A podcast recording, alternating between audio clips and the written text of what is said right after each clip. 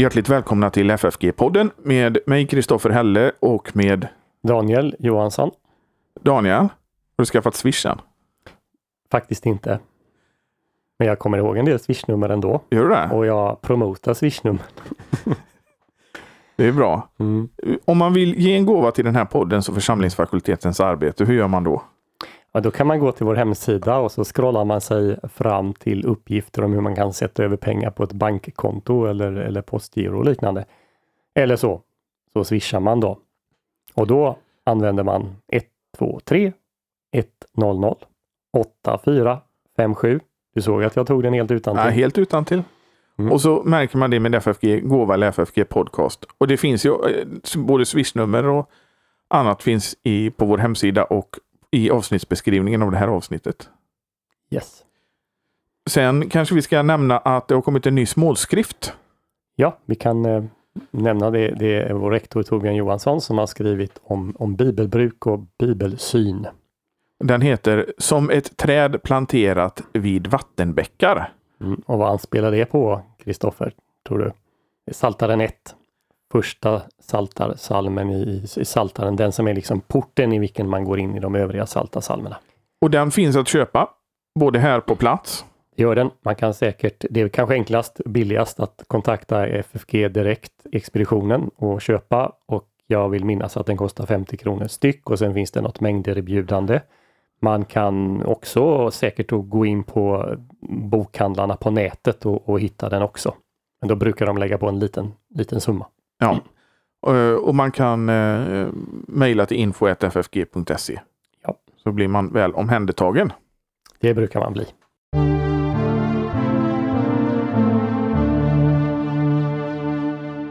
Nu är det så Daniel. Detta blir vårt sista avsnitt i serien om Johannesevangeliet. Ja, det är tanken. Det är tanken. För att det är symbolen, eller sju, är ett viktigt symboliskt tal i Johannes evangeliet och då passar det ju bra att ha sju stycken avsnitt om det. Men vi vänder lite på det så att nu avslutar vi med början. Ja, Johannesprologen. men det var aldrig riktigt meningen att, att tala eh, specifikt om prologen. Det gör man naturligtvis innan man börjar läsa, men i det här i våra avsnitt så har vi ju velat lyfta fram helt andra saker utifrån, lite mer tematiskt utifrån mm, saker som pekar på att, att Johannes evangeliet är historiskt tillförlitligt. Vi har inte fokuserat alls på, på teologin till exempel. Nej, det har vi, vi har varit inne och rört vid det vid något, något tillfälle, men det har inte varit vårt stora fokus. Nej. Och är det någonting prologen gör så är det ju att det ger en, en teologi, det ger en lins genom vilken man ska läsa hela evangeliet. Jag tänkte att jag skulle läsa prologen faktiskt. Ja, men det får du gärna göra. Mm. Blir det på grekiska då eller blir det en Det översättning? blir, på, det blir en översättning faktiskt. Okej.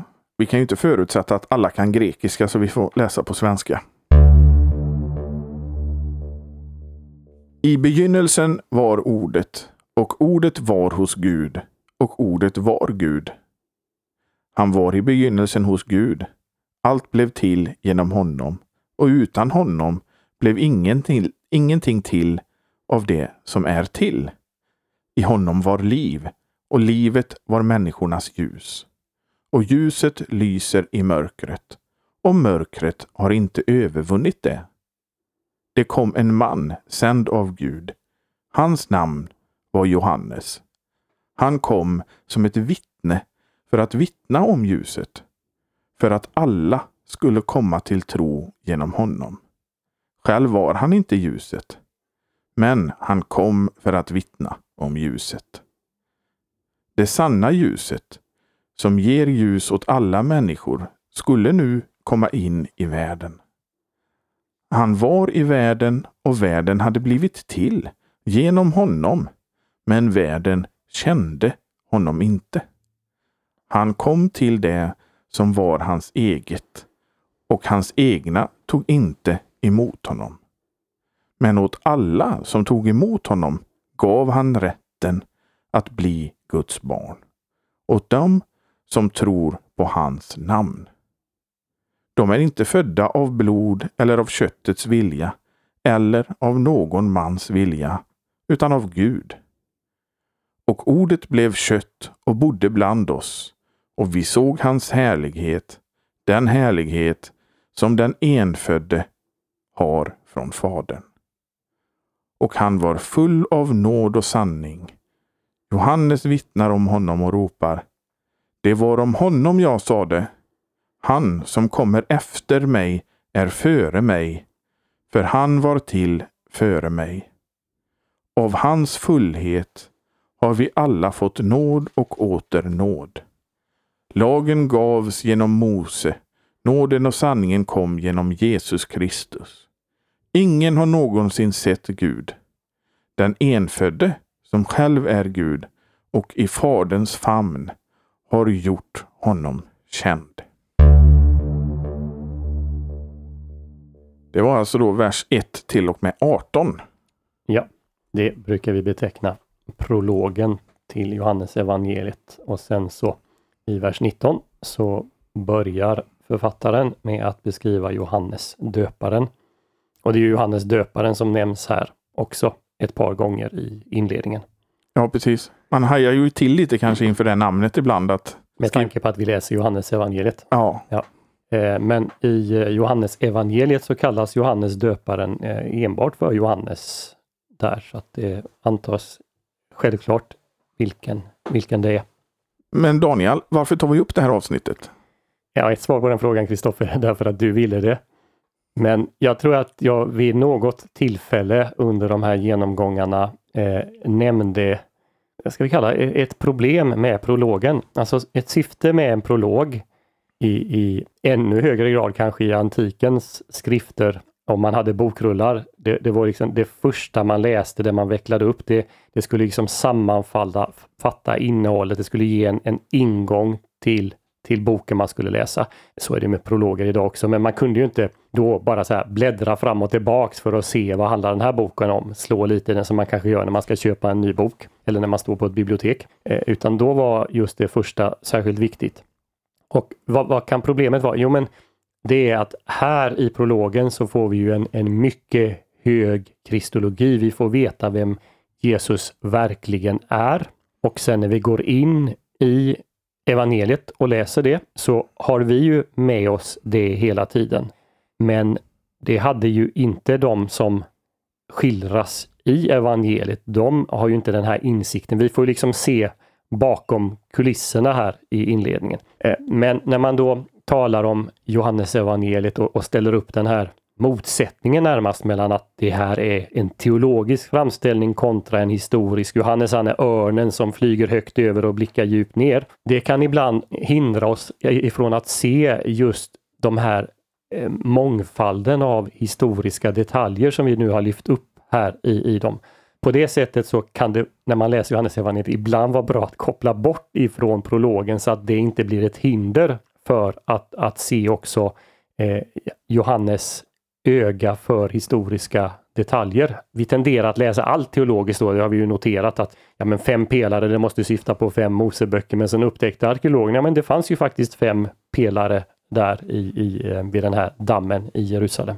Jo, det, det är ju lätt att man blir, eh, inte förblindad, men färgad av prologen på ett ja. sätt som gör att det påverkar läsningen. Men det är ju också lite av prologens syfte. Ja, men det är prologens syfte, så det är inte det. Men det gäller att kunna hålla fast vid, vid båda sakerna på samma gång. Och, och det är faktiskt något som Johannes evangeliet gör och det har vi också antytt. Alltså Johannes, eh, mer än något annat evangelium skulle jag vilja påstå, gör skillnad på vad lärjungarna förstod där och då och vad de förstod senare. Eh, det första exemplet vi har, det är när vi talar eller när vi läser om, om eh, hur Jesus rensar eh, templet. Och då så, så, så sägs det ju då att, att Jesus säger ju att han ska då bygga upp templet på tre dagar. Där. Och då gör Johannes, författaren, den kommentaren att han talade om sin kropp. Men sen så står det, när han sedan uppstod från de döda kom hans lärjungar ihåg att han hade sagt det och de trodde på skriften och ordet Jesus hade sagt. Det vill säga, när lärjungarna hör det här där och då, nu har vi i vårt program argumenterat för att det kanske är tre år före korsfästelsen, så förstod de inte att han talade om sin kropp när han talade om att riva ner och bygga upp templet, men de förstod det senare. Och sådana eh, detaljer förekommer väl på åtminstone ett par ställen till i Johannes evangeliet. Att man gör skillnad på, på det som hände där och då och den djupare meningen. Och då utifrån de här ställena där det är explicit kan vi nog förstå att, att det gäller generellt. Och när Jesus sen i, i, i sitt avskedstal lovar att sända hjälparen, eh, den heliga Ande, och att han ska leda dem till hela sanningen, så ligger det nog där i att, att komma ihåg det de har varit med om, men också förstå djupet, den djupare betydelsen i många av de här händelserna. Det vill säga, tecknet Jesus gör, vad pekar det på? Det är ju som en genomgående tråd. Jesus gör sju tecken och de får ofta en teologisk utläggning i, ett samtal som följer, följer därefter. För de som var med om det här, de hade ju inte prologen innan. Nej, inte på något sätt. Nej, utan, utan det, det är ju först i, i och med Jesu uppståndelse och, och, och den heliga Andes utgjutande som de får ljus över sakerna helt och hållet. Sen har de ju Jesus har ju undervisat dem ingående, men det framgår ju också när man läser evangelierna att, att de, även om Jesus undervisar dem så fattar de ändå inte det han säger. Och jag menar, och vi har det i slutet på Lukas evangeliet när han till Emmausvandrarna säger att de är tröga till att tro allt det skrifterna eh, undervisar om. Men skrifterna, och då talar man ju också om Gamla Testamentet. Ja, då, då, då är det ju Gamla Testamentet det handlar om. Ja. Och det, det, är ju det första som eh, Johannes här i sin prolog hänvisar till. Ja, alldeles inledningen. Ska du, ska du läsa den igen? Eller, eller ska du läsa den som det första man får i sin lärobok i, i grekiska? En arche, en hologos. Och hur, hur, vet vi att, att det syftar på Gamla Testamentet? Jo, det är ju Genesis 1. Ja, första Moseboks första kapitel och första vers. Alltså det är ju en, en tydlig anspelning när man, när mm, författaren här börjar på samma sätt som, som Genesis 1.1 börjar. Och på grekiska exakt med en arche i begynnelsen. Så Septuaginta har också det i, ja. i begynnelsen, precis ja. samma ord på, på ja. grekiska.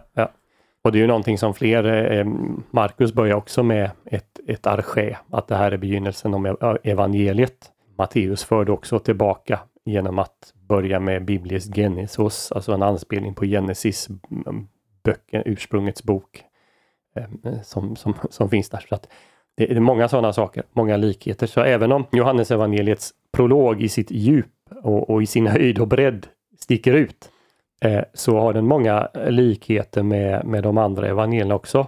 Min första tanke går till Markus evangeliet. Där eh, man började också med, eh, det talas om begynnelsen, men sen kommer det in på Johannes döparen och hans verksamhet. Eh, det gör det också här. Två gånger till och med så kommer det in. Och man kan ju tycka att det är lite märkligt. Det, det ska handla då om, om, ordet och Jesus och likväl så upptar, ja det kanske är lite överdrivet, men nästan hälften av verserna, eller åtminstone två, en tredjedel av verserna handlar här om Johannes döparen. Men Johannes döparen är en framträdande och viktig person i alla evangelierna. Markus evangeliet som sagt, det inleds direkt med Johannes och det är förhållandet mellan, alltså förhållandet mellan Johannes och Jesus vi förstår vem Jesus är. Markus inledningen då att, att Johannes är den som uppfyller det här att han bereder väg för Herren. Han är den som gör det. Och då förstår vi att Jesus är Herren. Och det är ett återkommande tema i eh, Markus evangeliet också. Johannes diskuteras vid flera tillfällen. Ja, och ännu mer påtagligt i början på Lukas evangeliet för där har vi ju liksom, det handlar om Johannes, Jesus, Johannes, Jesus och där de ligger om, omlott i inledningen. Och sen så eh, får vi en ganska utförlig beskrivning av Johannes verksamhet. Matteus evangeliet på samma sätt, en utför, inte direkt inledningen, där skiljer det sig åt lite, men innan Jesu offentliga verksamhet drar igång, Johannes döparens verksamhet, och senare så undervisar Jesus ganska länge och omfattande om vem Johannes döparen var och man förstår Jesus undervisa om sig själv i relation till Johannes döparen. Men det var ju också de som misstänkte att Johannes döparen kunde vara den här utlovade Messias. Ja, och det är ju en av poängerna här då i, i inledningen Eh, när det sägs att det kom en man sänd av Gud och hans namn var Johannes. Men han var inte själv ljuset, han är den som vittnar om ljuset och skulle vi sedan läsa fortsättningen på Johannes 1 så beskrivs ju då hur Johannes får fråga om vem han är och han säger att han är inte Elias till exempel. Han är inte profeten. Han är inte Messias. Så vem är han? Jo, svaret vi får här att han är rösten av en som ropar i öknen. Det är precis det som lyfts fram i inledningen till Markus evangeliet också. Det återkommer i, i eh, Sakarias profetia om vem hans son är i Lukas eh, första kapitel. Och eh, det kommer också fram i, i Matteus evangeliet. Men eh, om man tar den här första versen. I begynnelsen var ordet och ordet var hos Gud och ordet var Gud. Vi ser det här ordet, det är logos, den här, det är ett känt uttryck även för de som inte är bevandrade inom grekiska till exempel. Ja, men det var ju också eh, inte minst ett känt eh, begrepp i den eh, eh, antika eh, tankevärlden. Och eh, är ju någonting som har bibelforskarna sysslat en hel del med. Alltså varför använder Johannes det? Vad är poängen med att använda det? Och då har man försökt eh, hitta liksom någon kontext, ett sammanhang som kan förklara den. Och, och, man har letat i den grekiska världen.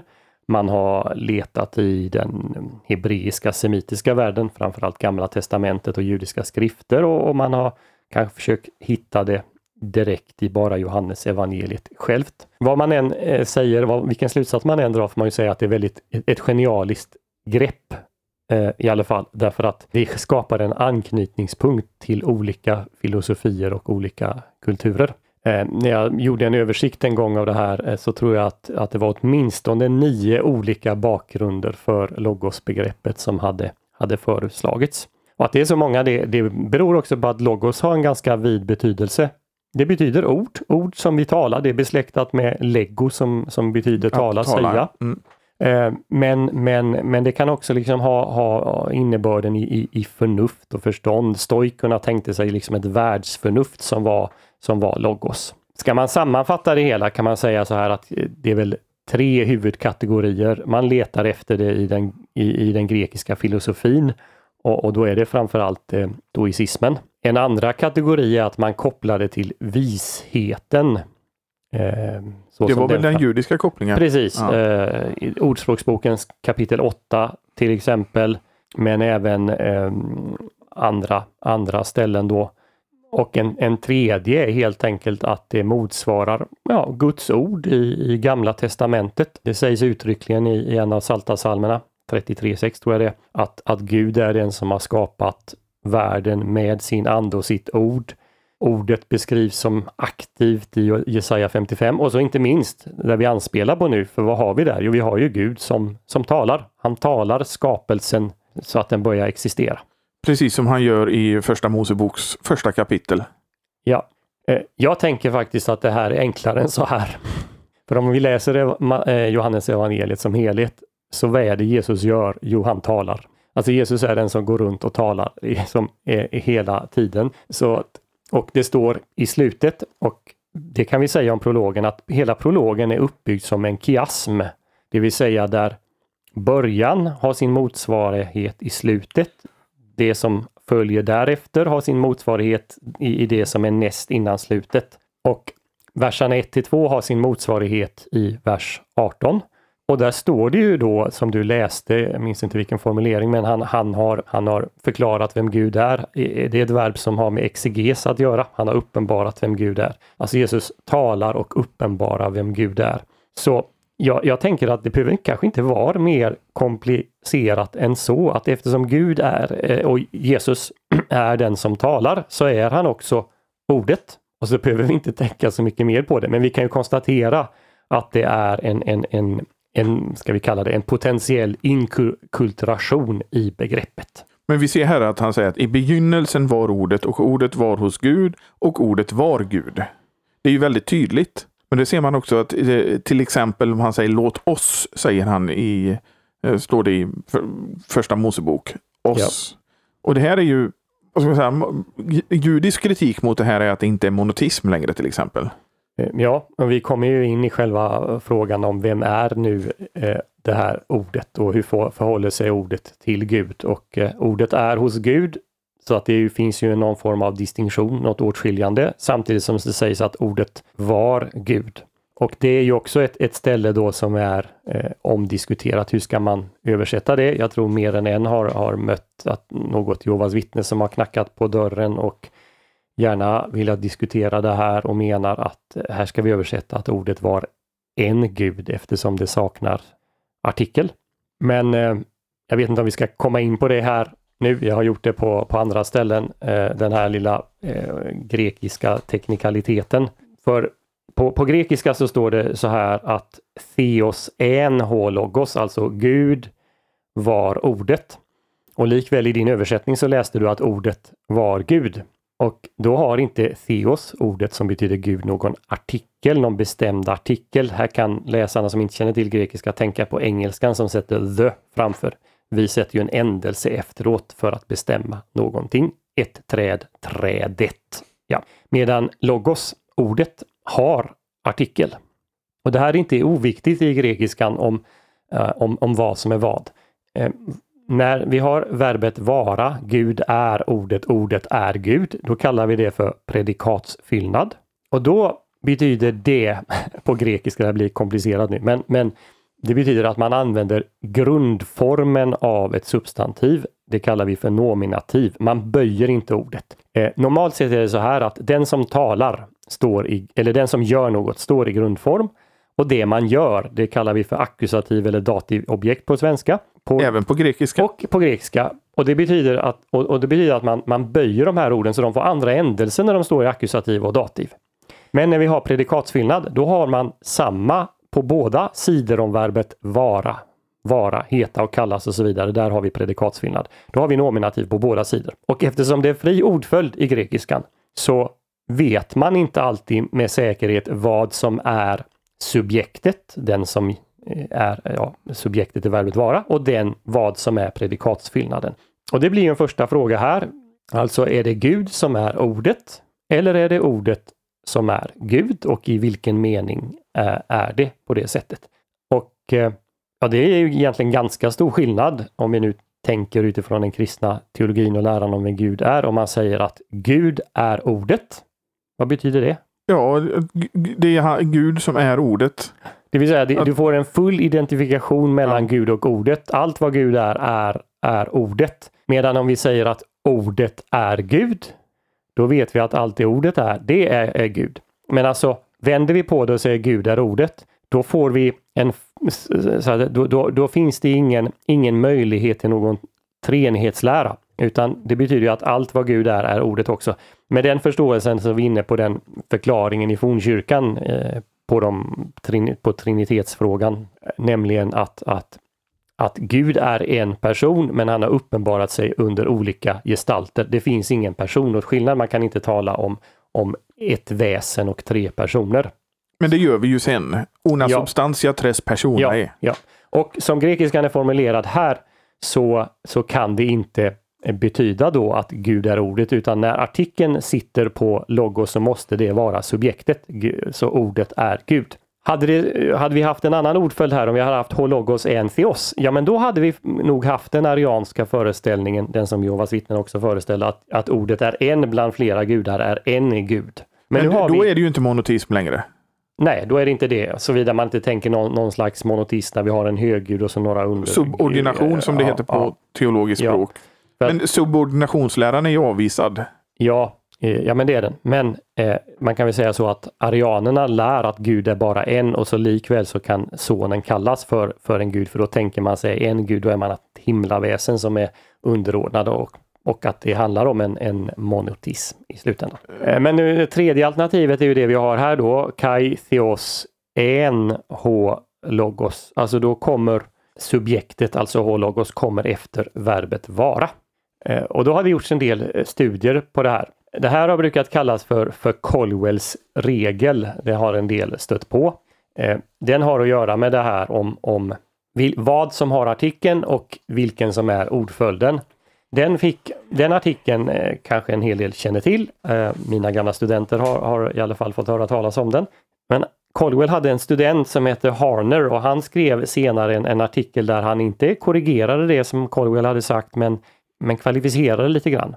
Och han visade genom en, en studie att hos många författare är det tydligt att, att när vi har den här ordföljden och när artiklarna sitter som de gör så handlar det här om en, en, en ofta en kvalitet som uttrycks på det här sättet. Att ordet var och det här blir nu jättesvårt att översätta, att det inte ska bli fel, men att ordet var liksom det som är det att vara Gud. Det är inte riktigt detsamma som att vara gudomlig, men det är åt, åt det hållet, för det finns bara en som är, är gudomlig. Eh, hur som helst så, så har vi alltså starka grammatiska argument för att avvisa Jehovas vittnes tolkning.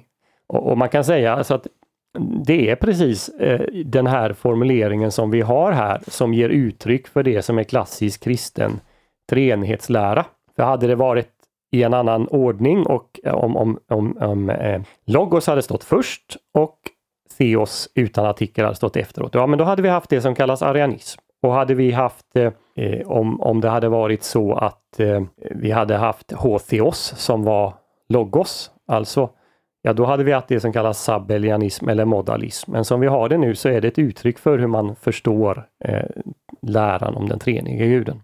Men sen är det ju så med den rika grammatiken som finns i grekiska gör att det inte alltid är så lätt att översätta till svenska. Vi har ju till exempel talat om det i missionsbefallningen i eh, Matteusevangeliet. Att man kanske måste, i, det, det blir liksom en avvägning. Ska man lägga till eller ska man förklara eller ska man översätta ordagrant? Det blir ju alltid en avvägning lite. Så är det, och så är det ju egentligen i alla språk. Ja visst. Eh, och, eh, och ju längre ifrån språket är ifrån eh, ditt eget språk, desto svårare är det att översätta nära texten utan att den blir väldigt träig eller ålderdomlig. Eller så. Och, och svenskan är numera ganska så långt ifrån grekiskan som det här är frågan om. Eh, vi har utvecklats, de germanska språken och svenskan ur det har utvecklats ganska mycket ifrån grekiskan som talades för 2000 år sedan.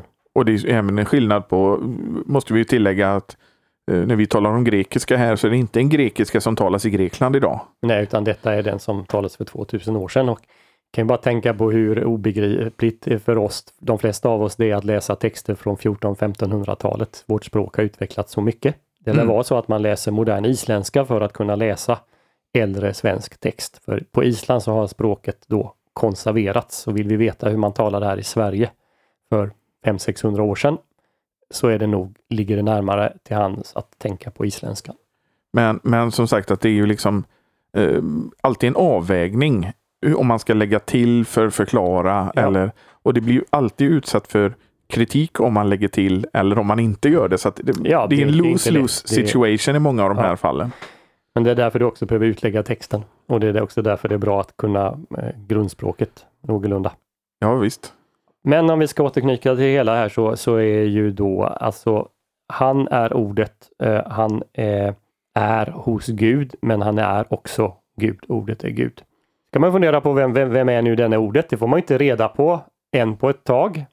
Eh, det är först när vi kommer fram till vers 14 när det då står att ordet sarx egeneto, ordet blev kött. Och här betonas ju starkt att ordet inte bara blev människa, mänskligt, utan att det verkligen tog, han blev människa på riktigt skulle jag vilja säga, eh, när man blir när man blir kött. Jag tror att Bibel 2000 översätter väl människa här och, och det är väl vanligt att man kanske tänker så. Eh, och, och, det blir, en del tycker det blir, oj då, ah, kött det är inte begripligt för en, ny, för en modern människa. Men kött och människa, det, det, finns, det finns ju på grekiska, antropos är ju människa, det är ju tydligt.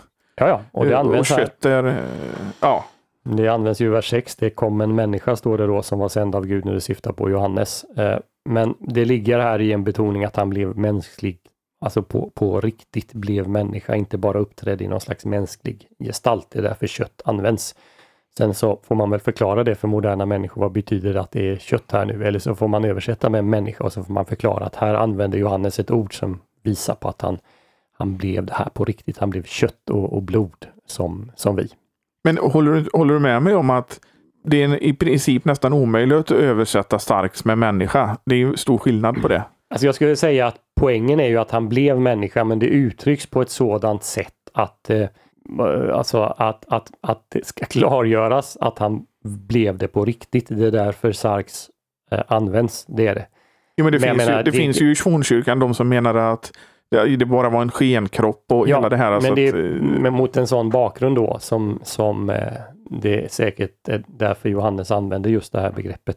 Det är det. Så jag ska inte säga att, jag ska inte säga att det är omöjligt. Jag menar Sarks betyder inte människa.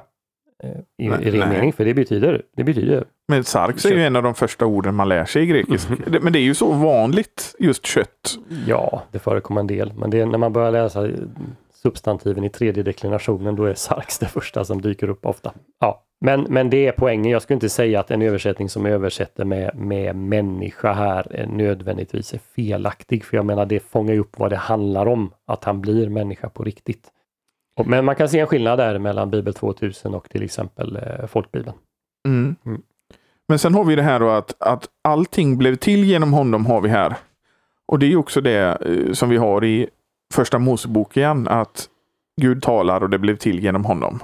Ja, Gud talar eh, och eh, tanken är väl här att det Gud talar med är, är ordet honom som, som är agenten för skapelsen. Det är det som följer verserna och det är ett tema som återkommer i Nya Testamentet på, på flera ställen. Paulus nämner det i första Korintierbrevet 8.6. Vi har det alldeles inledning på Hebreerbrevet och vi har väl det i Kolosserbrevets första kapitel. Så det är en återkommande tanke att Jesus, eller att sonen, ordet var med där i begynnelsen när allting skapades och han, eh, det skapades genom honom. Och i honom var liv och livet var människornas ljus. Och då tänker jag just det här med människornas ljus, det återkommer ju sen i Jesus tal om sig själv. Och det är en, ett annat sak här då i prolog. Det- Prologen är inte bara en, så att säga, en, en hermeneutisk nyckel skulle vi säga, eller tolkningsnyckel för Johannes evangeliet, utan många av, av temata som kommer upp här är ju sånt som sen återkommer. Man kan pricka av det vers för vers eh, så, så dyker det upp eh, senare i evangeliet. Det här med Johannes dyker ju upp omedelbart, men ljuset, ja men det är till exempel när Jesus säger att han är världens ljus. Och alldeles i avslutningen, här har vi en ganska snygg inklusio i, i, i, i alltså Johannes evangeliet är ju indelat i två delar. Vi har, ska vi kalla det, hans offentliga verksamhet fram till kapitel 12 och sen har vi då lidandes och uppståndelse eh, eh, berättelsen. Och då finns det en liten sammanfattning i slutet på eh, kapitel 11 där författaren sammanfattar. Då kommer det här ljustemat också upp. Så det är viktigt och, och genomgående. Och det kan vi nog säga nästan om, om allt här. Och då står det ju sen också här med att Johannes var inte ljuset. Nej, där dyker Johannes döparen upp då i, i relation till Jesus. Han, han var viktig, han, han, han var sänd av Gud eh, och han kom för att vittna.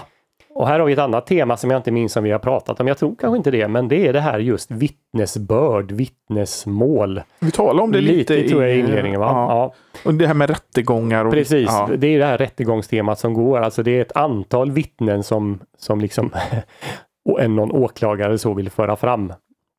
Ja, tvunget en åklagare, men, men vittnen som förs fram. Och det första vittnet som förs fram här är då eh, Johannes. Men då sägs det om honom att han, han är en som vittnar snarare än att han är ljuset själv. Eh, men, men temat här med, med eh, mörker och ljus, det är ju också ett, ett tema från första Mosebok, hur världen såg ut och eh, jag menar det, det som målas upp här i, i prologen, det är ju egentligen att det har blivit mörkt i världen igen. Han var i världen, står det ju i vers 10. Världen hade blivit till genom honom, men världen kände honom inte. Och när han kom till sina egna så tog, tog de inte emot honom. Men, men det, det är just han som, som är det sanna ljuset, det är han som lyser upp det. Så, så det blir ju i, i ljuset av Genesis här så blir ju eh, hela den här Jesus-händelsen, om vi ska kalla det, så blir det ju en nyskapelse. Det är ju det som antyds här i prologen. Och sen har vi ju det här, eh, om, man, om vi kopplar det till Nikodemus sen i, det är väl kapitel 3. Ja, Eh, De var inte födda av blod eller av köttets vilja, ej heller av någon mans vilja, ut- utan av Gud. ja precis. Där Jesus i dialogen med Nikodemus säger att om du inte blir född på nytt eller från ovan, det har vi från Mm. Gud va? Eh, Eller om du inte blir född av vatten och, och ande. Så där, det är ett annat tema. Där har vi för övrigt, jag sa ju i inledningen att, att det här är uppbyggt som en kiasm och centrum i den kiasmen, det är väl underbart.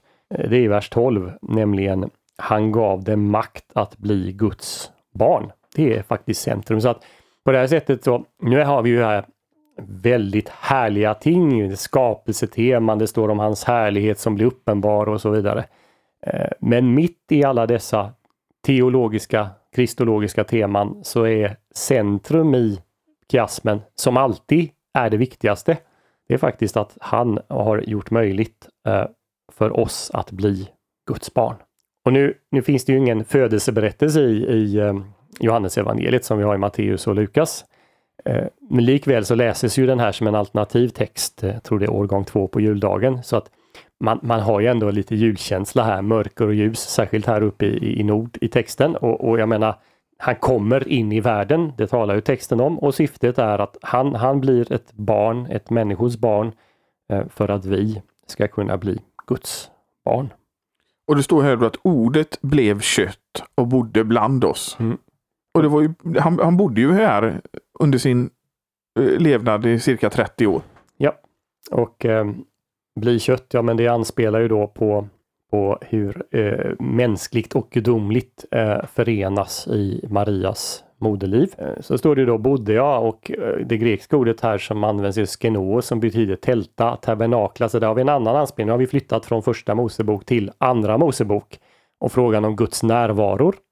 Och det här knyter ju naturligtvis vidare till att han själv då gör anspråk på att vara det här templet det vi talade om inledningsvis i, i Johannes 2. Men om du hade frågat mig vilket ord som stod där, att han bodde här, Ja. då hade jag nog sagt att det stod nog någonting med oikos. Ja, just det. Men, eh, men Det, det, var en, så att det, det är ett genomgående, alltså, först var det tält och sen blev det hus. Men, men eh, ja, här har vi också en översättningsgrej då. Ska man översätta att han tältar ibland oss eller ska vi översätta som de flesta gör, han bodde ibland oss? Ja, det är frågan hur mycket man vill få fram av de olika nyanserna. Jo, men det är också att han, eh, han var väl nästan lite, inte bostadslös, men Han säger ju det själv att han, människosonen, har ingenstans att eh, vila sitt huvud, nej. åtminstone i vissa perioder. Ja. Men sen är det ju så hur man använder ordet hus, oikos till exempel, så betyder ju det också att man bor eller att det är ett hushåll. Alltså det finns Ja. en vid betydelse av Oj, dem. oikeo. Ja. Ja. Men, men här är det nog mer anspelning just på, på tabernaklet och eh, templet. Men det får ju inte fram i den svenska översättningen. Nej, inte om vi översätter så. Jag brukar översätta med tältade ibland och något sånt. Men jag tror, det, det, är inte, det är inte ett vanligt ord i grekiska, så jag tror att när man översätter det här så får man nästan slå upp det om man inte är väldigt väl bevandrad. Och då tror jag att, skulle jag stöta på att det står tält så tror jag att jag översätter nog det med tält. Ja, okej. Ja, Om det, om det står det när man slår upp det. ja, ja. Ett annat tema som kommer där är ju vi såg hans härlighet. Ja, det dyker upp i, i återigen i kapitel 2 när han gör sitt första under i, i, eh, i Bröllopet. Kana, va? Ja. bröllop till kanan. Ja, så man kan hitta så här, så teman efter, efter teman. När det sen, och så står det om att, då, att han är full av nåd och sanning. Ja, men det vet de som är bekanta med FFG att det är vår, vårt eh, logo, eh, vårt motto här, nåd och sanning. Johannes dyker upp igen i vers 15 eh, och berättar och då, då här har vi då mot, det här, det, det, vi måste ju ha vår kiasm, eller måste vi inte, ja, men det är ju en kiasm, alltså det motsvarar ju det som har sagts om Johannes då tidigare i inledningen ifrån eh, vers 6. Och då säger han att den som kommer bakom mig har kommit till eller blivit till före mig. Det här är, tangerar samma teman som sägs, eh, eh, Johannes själv säger i samband med, med, med sitt dop i, i till exempel Markus evangeliet. Ni vet att han är inte värd att knyta upp skosnöret eller sandalremmarna. Ja. Och, och att Jesus var till före honom, det, då kände han ju till det som vi kallar för sonens preexistens. Det antyds ju verkligen här, eh, får man säga. Och är han då medveten om han, om han är då, alltså han, han är ju rösten av en som ropar i öknen bered väg för Herren. Ännu ett tema nu i de här tiderna. Precis, bered en väg. Och eh, då, det förutsätter kanske ett tanke på att han har existerat före honom. Ja, absolut. Och hela det här stycket är ju en argumentation, eller vad man ska säga, för sonens preexistens. Ja, det börjar ju med första, första versen då va? och andra. Ja, att han är med där redan vid skapelsen i begynnelsen. Och sen kommer ju Mose och lagen kommer upp och nämns. Det är ett tema som kommer återkomma. Det behöver vi inte gå in på nu, men det är i, i vers 17. Eh, nåden och sanningen kommer genom Jesus Kristus. Och sen kommer då eh, i vers 18 hur det återknyter till att, att ingen har sett Gud. Och det här blir också ett viktigt tema i Johannes evangeliet. För någon tycks ju ha sett Gud i Gamla Testamentet. Vad såg Mose? Vad såg Jakob? Vem brottades Jakob med? Och, och det, här har vi liksom grunden till den här tanken att den människor ser i Gamla Testamentet i regel är den preexistente sonen. Om ingen har sett Gud, vem var det de såg? Ja, men då var det sonen, för det är sonen som sen har gjort honom uppenbar. Men, så, uh, fadern, kanske, man kanske ska göra den distinktionen då, att ingen har sett fadern. Det är den distinktionen vi, vi, vi gör sen och som ibland görs här. Men ofta görs den i relation mellan, mellan fadern och sonen.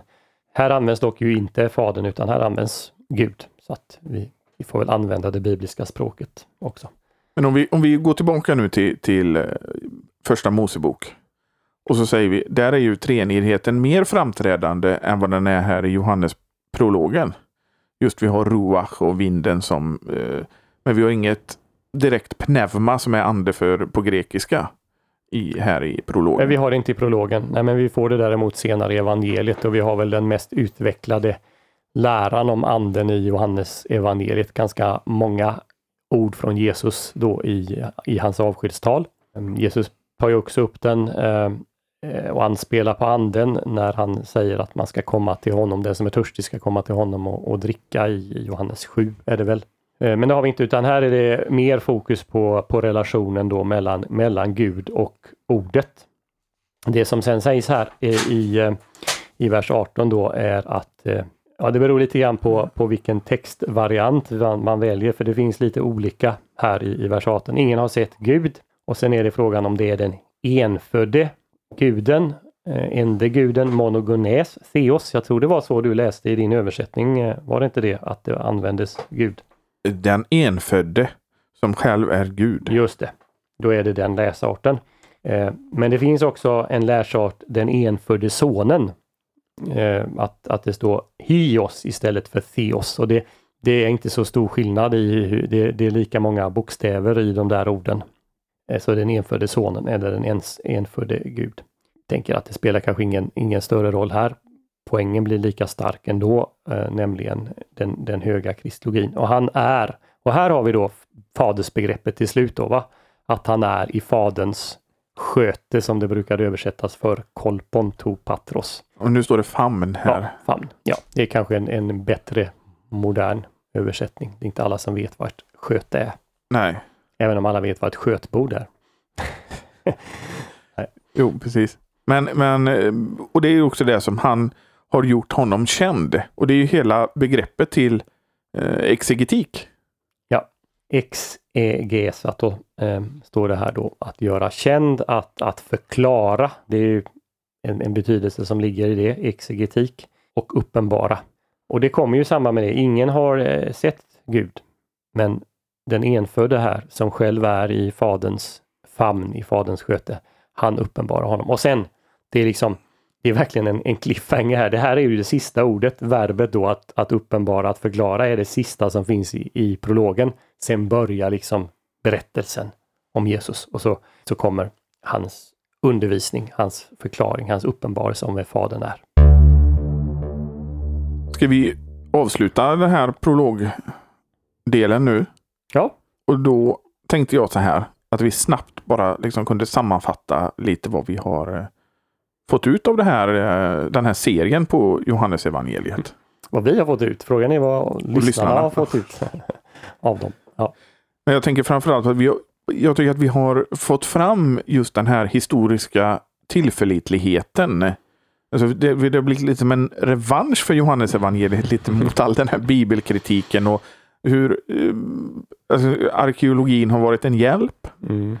Men också, och det visar att ja, men det som Johannes, han hade ju full koll på, även på det historiska. Ja, det vi framförallt tror jag har lyft fram, det är ju genom sånt som är mer implicit än explicit. Jag menar namns nämnande, var en plats är belägen om man går upp eller går ner.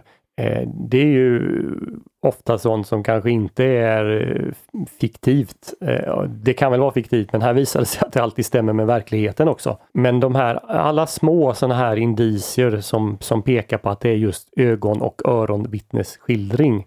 Det tycker jag har varit det viktiga här.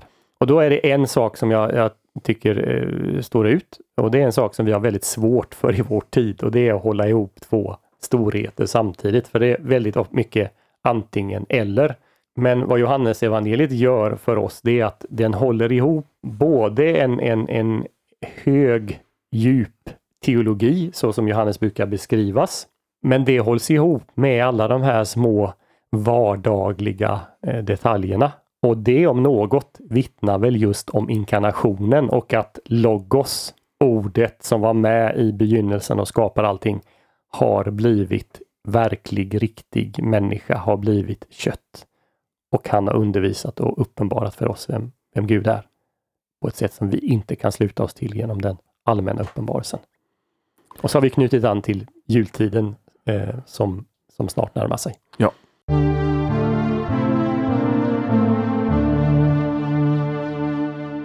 Tack Daniel.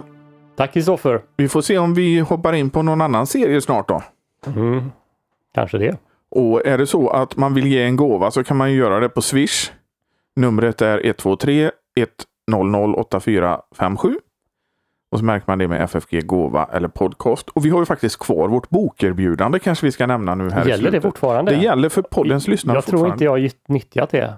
Som jag blir poddlyssnare så kan jag också få göra det. Ja, det så. Då får du mejla till info.ffg.se. Okej. Och då är det, för snart har ju vårt 30-årsfirande slut, alltså det här ja, året. Ja, när, när året är slut då får det räcka. Ja, Mm. och då får man köpa våra tidigare jubileumsböcker för endast 30 kronor styck.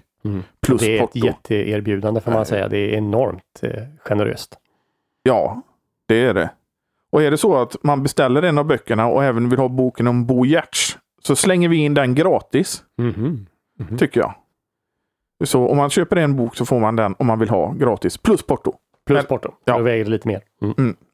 Så då skickar man till info.ffg.se och säger att man vill ha det. Ja, nej, men det finns jättemånga intressanta artiklar i flera av de böckerna. Jag fick faktiskt slå upp en av mina egna häromdagen för det var något som, någon som frågade någonting. Jag hade glömt bort det. Mm. Så eh, det, det finns hur mycket som helst. Mm.